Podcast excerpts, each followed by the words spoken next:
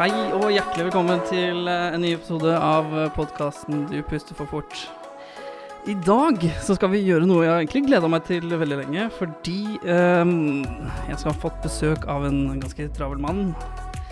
Og vi skal snakke om Vi skal lage en serie om intoksikasjoner, rett og slett. Mannen som sitter ved siden av meg, han er tredje gangen du er her, er det ikke det?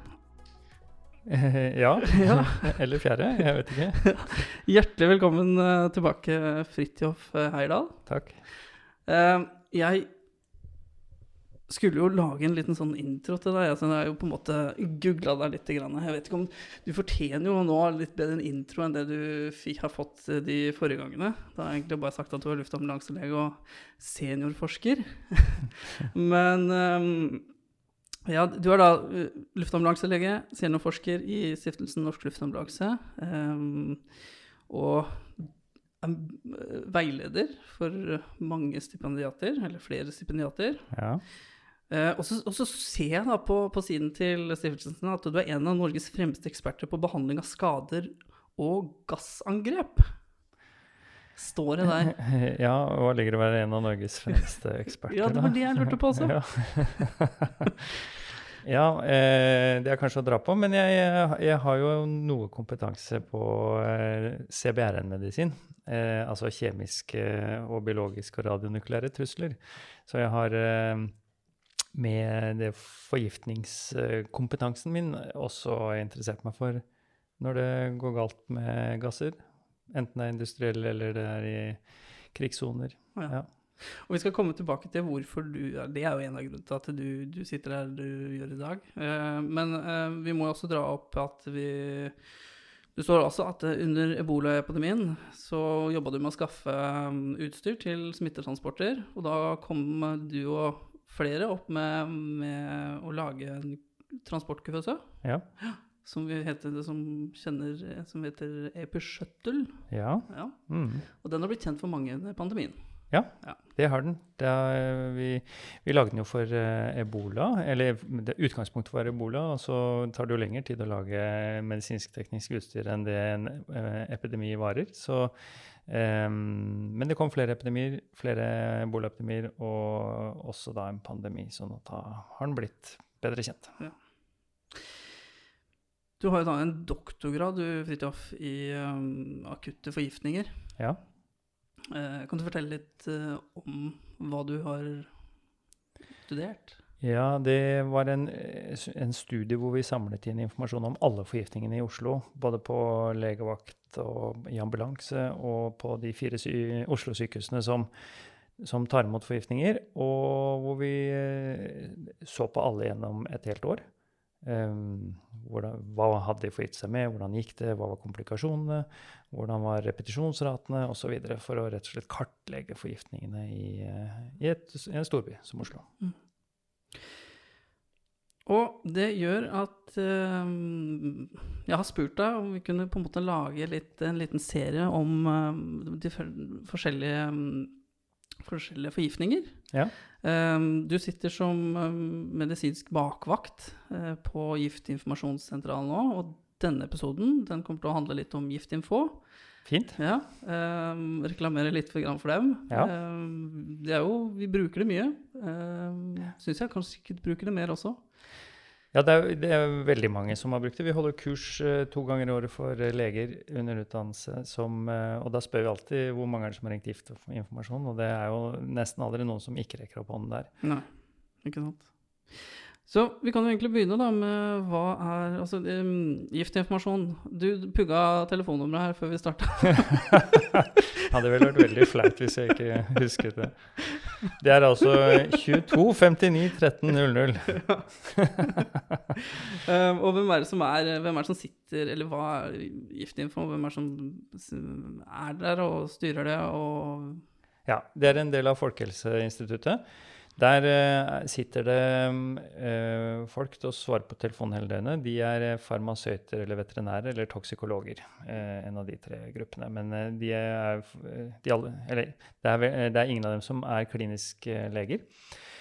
Men de eh, svarer på et eller annet sted mellom 40 og 50 000 telefoner hvert år fra folk og fe, eh, og doktorer og sykepleiere og paramediker og alle som måtte ønske å vite noe om eh, forgiftninger. Og da er det gjerne knytta til en case, da. Sånn at de, eh, de, tar telefonen, gir eh, råd eh, og har en haug av databaser de slår opp i, og kan forferdelig mye om forgiftninger eh, og er veldig erfarne. Og så er det en liten gjeng med fem-seks stykker da, av eh, sånne som meg, som er doktorer med, med erfaring i intensiv og akuttmedisin, som også kan en del om forgiftninger, som er kliniske bakvakter. Mm.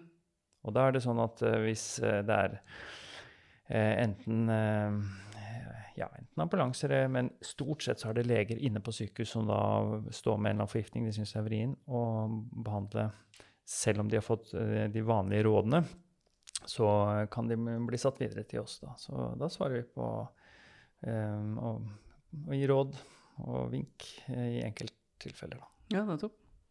Um, hvordan er det med befolkningen? Er de kjent med Giftinformasjonssentralen? Hvem er det som ringer, stort sett? Altså, hvem, er, mest, hvem ringer mest? Ja, det tror jeg er eh, Jeg tror giftinformasjon er ganske godt uh, kjent. Folk veit om den. Det det? Uh, ja, og det er de fleste som ringer, er privatpersoner som uh, har en eller annen bekymring uh, knytta til enten medisiner som de tror de har spist for mye av, eller rus, bær, sopp, vaskemidler, sveisegass, vepsestikk, hugormbit. Alt mulig rart. Alt mulig rart. Ja. Planter. Mye planter.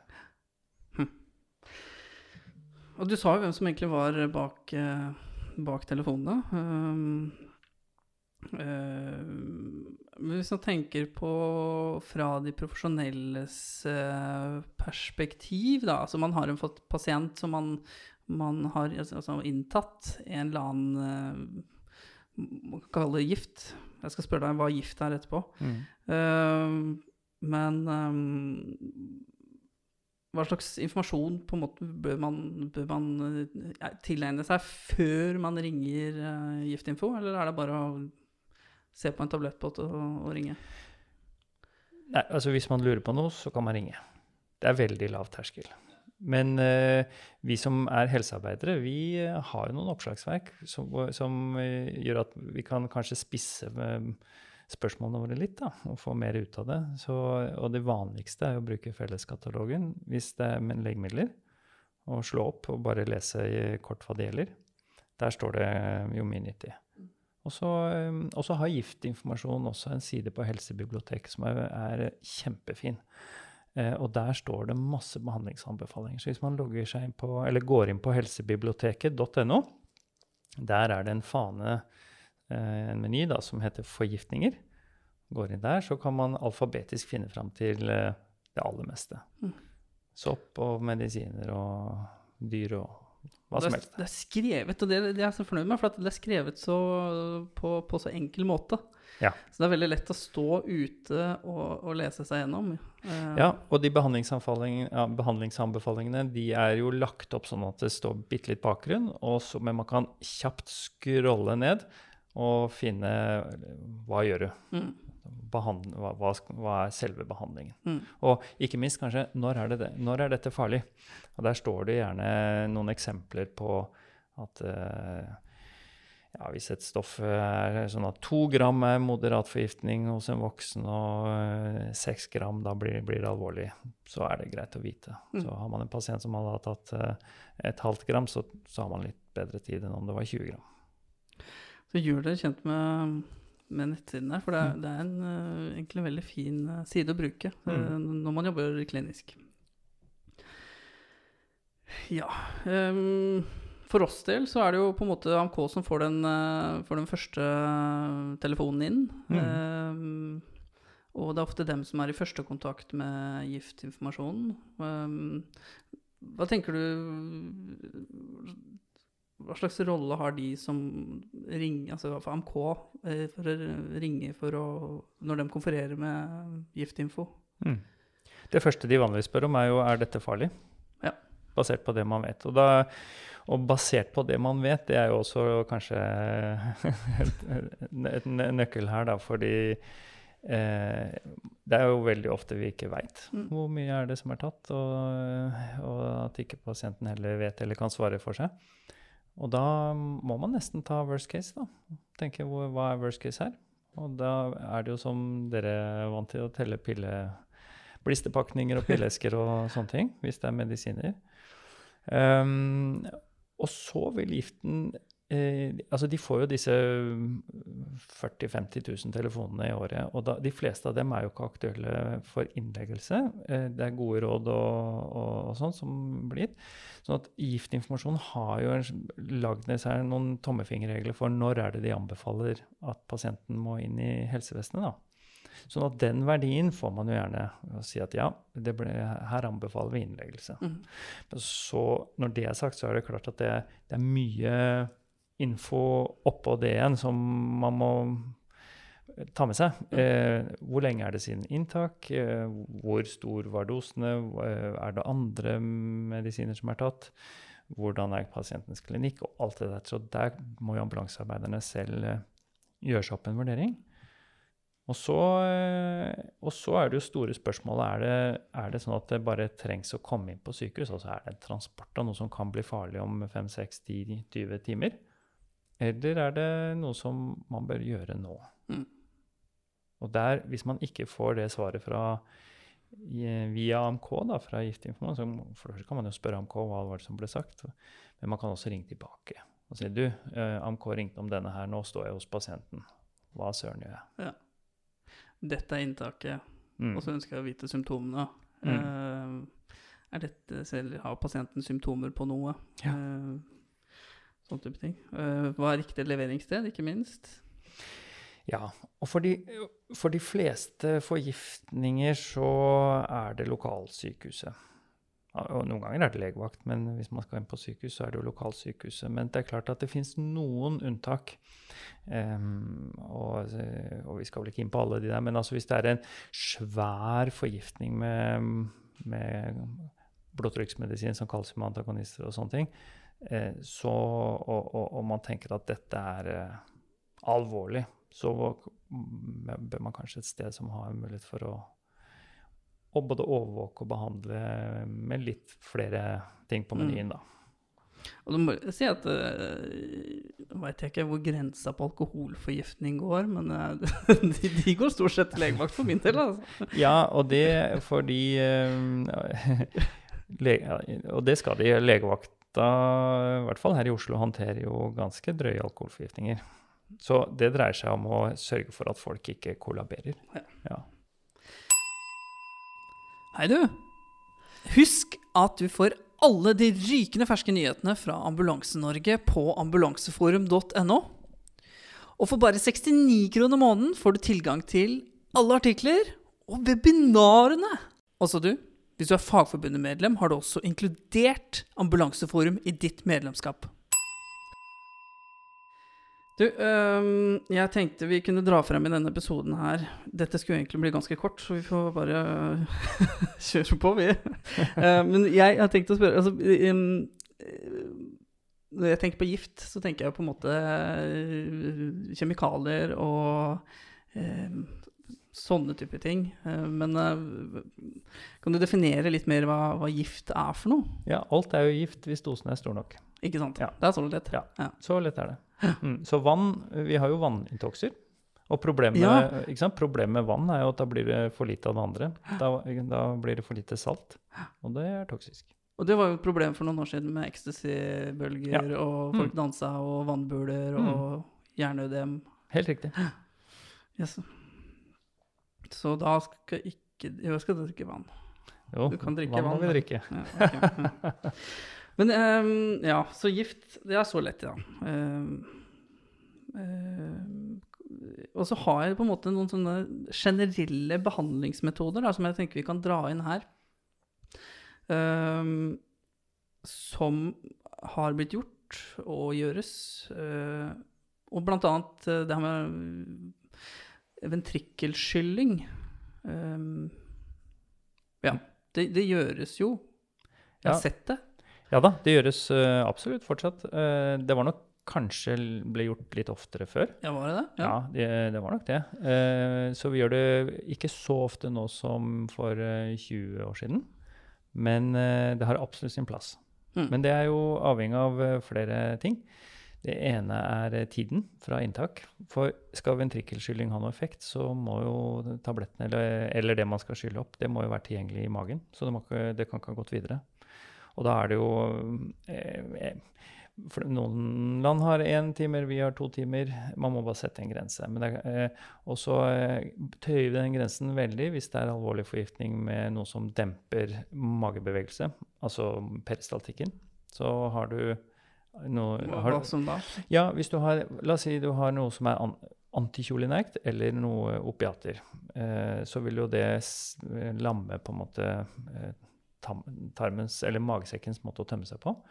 Så an det, en typisk antikjolinær forgiftning er trisykliske antidepressiva. En stor dose med det, ja, da tø tøyer vi den totimersregelen i flere, Ja, kanskje opp i fire timer. Og det andre er at det må jo være en, en alvorlig forgiftning, altså sånn at du profitterer på å få noe vekk. Mm.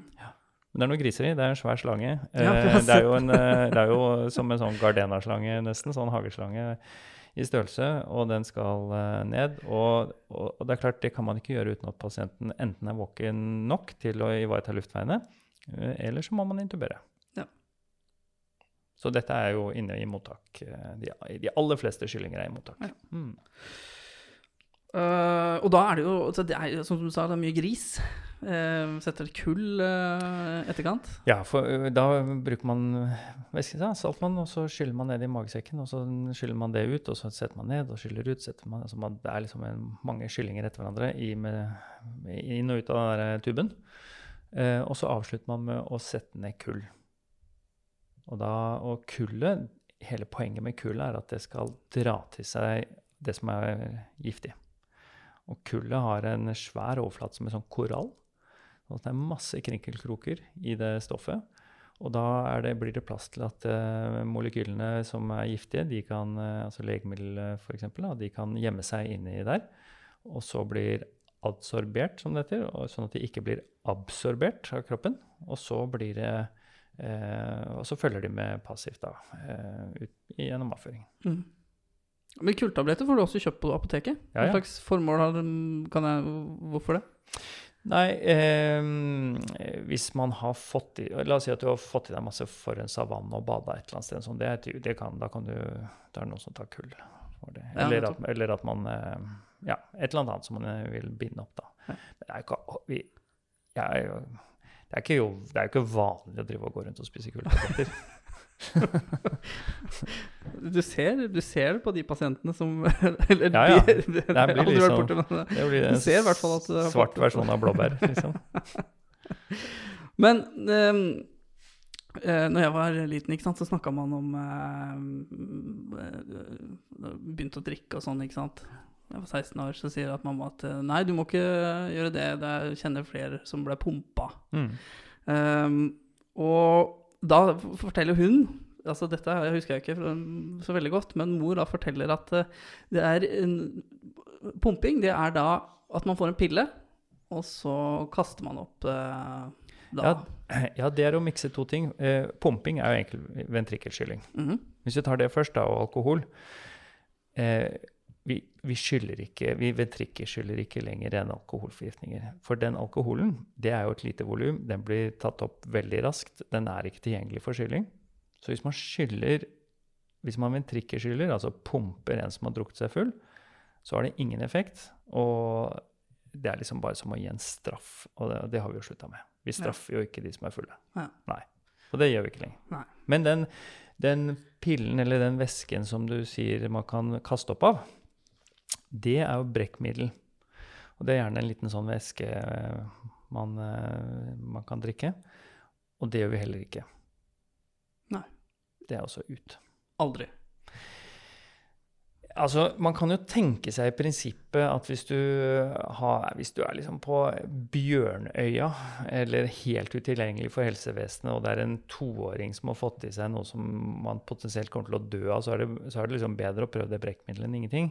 Men det er jo ikke settingen for de fleste. Altså, vi har jo så mange andre måter å gjøre dette på, bl.a. ventrikkelskylding og kull som er så mye bedre. Og, du, og problemet med brekkmiddel er at folk setter ting i halsen. Eh, det er spørsmål hvor mye får du egentlig opp. Og særlig det som er veldig effektivt med å sette ned kull, det kan du ikke gjøre når folk brekker seg. Det kullet skal jo ikke over i lungene. Det er jo livsfarlig. Sånn at, så hvis du liksom først gir brekkmiddel, og så skal du prøve å stappe ned kull hos en som spyr som en gris, nei, det, det er liksom Nei. Så brekkmiddel ut. Det ja. bruker vi aldri. Nei, nettopp. Og så er det noe vi kan gjøre, da. Det, um, I forhold til generelle behandlingsmetoder. Um, og det er jo væskebehandling. Det har jo alle ambulansesenter. Ja. Um, kan man si noe om det? Altså, tenker Hvis man har en høy dose inn i blod, altså, og, og, det å tynne det ut, da, f.eks. Ja. I mitt enkle hode. Ja, så, ja men du har jo du har et poeng, men ikke egentlig å tynne ut som en bøtte med salmiakk. ikke sant? Altså sånn at Eh, fordi vi klarer jo ikke å øke blodvolumet så mye at konsentrasjonen blir lav av å bare måke på med intravenøs væske. Men veldig mange av disse forgiftningene de skal jo ut gjennom nyrene. Sånn at eh, enten, ved, enten, ved, at man skylder at, at, eh, kroppen skiller dette direkte ut gjennom nyrene, eller at det først går gjennom en omforming i leveren, og så skal det ut gjennom nyrene etterpå. Og det, og, sånn at man blir fortere kvitt en del stoffer ved at man har god diurese. Så vi, vi syn, De aller fleste forgiftninger har, så ønsker jo ikke at folk er tørre. Så vi ønsker, altså Ting som skylles ut gjennom nyrene, profitterer jo på at jo større flow, altså jo større foss det er gjennom nyrene, jo mer er det som dras med ut. Og særlig der hvor stoffet i seg selv er nyretoksisk, f.eks. acetyl, salicylsyre eller NSIDES eller sånne ting, så kan det jo være en fordel å ha en stri strøm.